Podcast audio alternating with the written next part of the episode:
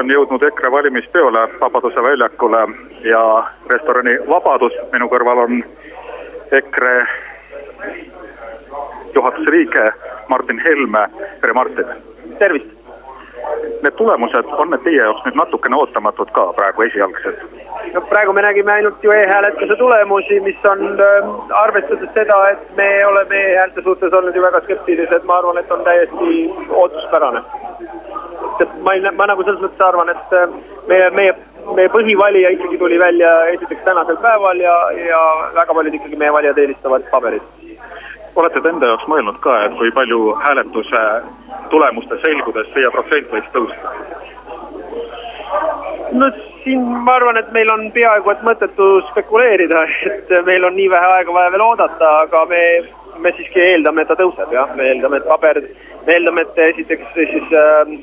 maapiirkondade või väikelinnade ringkonnad, noh, meil on mingid äh, ju ringkonnad, kus meil on selgelt kõrgem toetus ja, ja siis osad, kus on natuke madalam, et, et sealt tulevad tulemused kindlasti tõstavad meie üleüldist äh, siis äh, pro protsenti.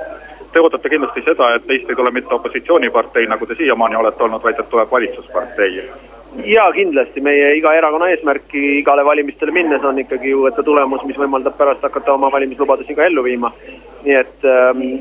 loomulikult me, me soovime, et valimistulemus oleks selline, mis võimaldaks meil olla, olla sellises positsioonis, et me saame tõepoolest oma,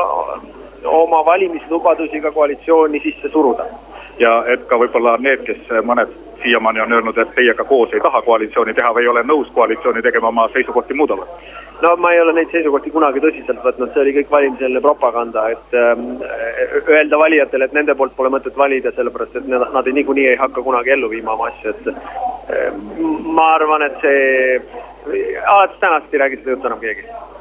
kas keegi peale sotside veel on selline, kellega te võib-olla kokku ei sobiks?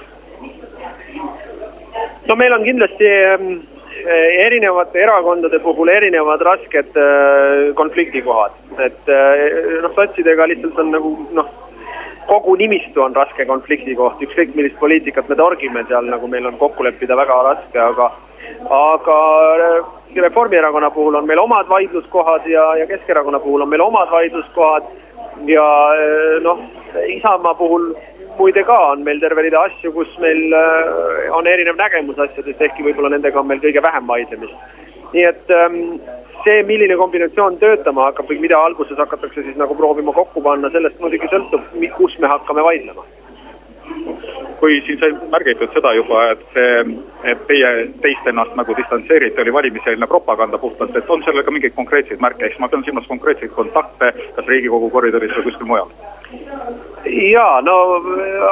juba täna on minu, minuga räägitud võimalus või noh, kombitud maad, et mida me siis teeme või mida me siis tahame. ja, ja, ja, ja isegi needsamad sotsid on põhimõtteliselt kuulanud maad, noh küll kaude, mitte otse, aga kaude et kui punased on meie punased jooned, et noh, selles mõttes see, ma ütlen veel kord, et mina ei võtnud seda küll kordagi tõsiselt ka varem. Reformierakond ja EKRE koos no ärme nüüd sündmustest ette rutta, et äh, Reformierakond äh, vaatame kõigepealt, mis tulemused tulevad ja siis vaatame üldse, millised nagu koalitsioonid matemaatiliselt kokku annavad ja siis hakkame vaatama, millised koalitsioonid hakkavad äh, läbirääkimiste mõttes kuidagi loogikat omama, et et ma arvan, et praegu, praegu mul ei ole mingit mõtet spekuleerida, kus, kus kohas me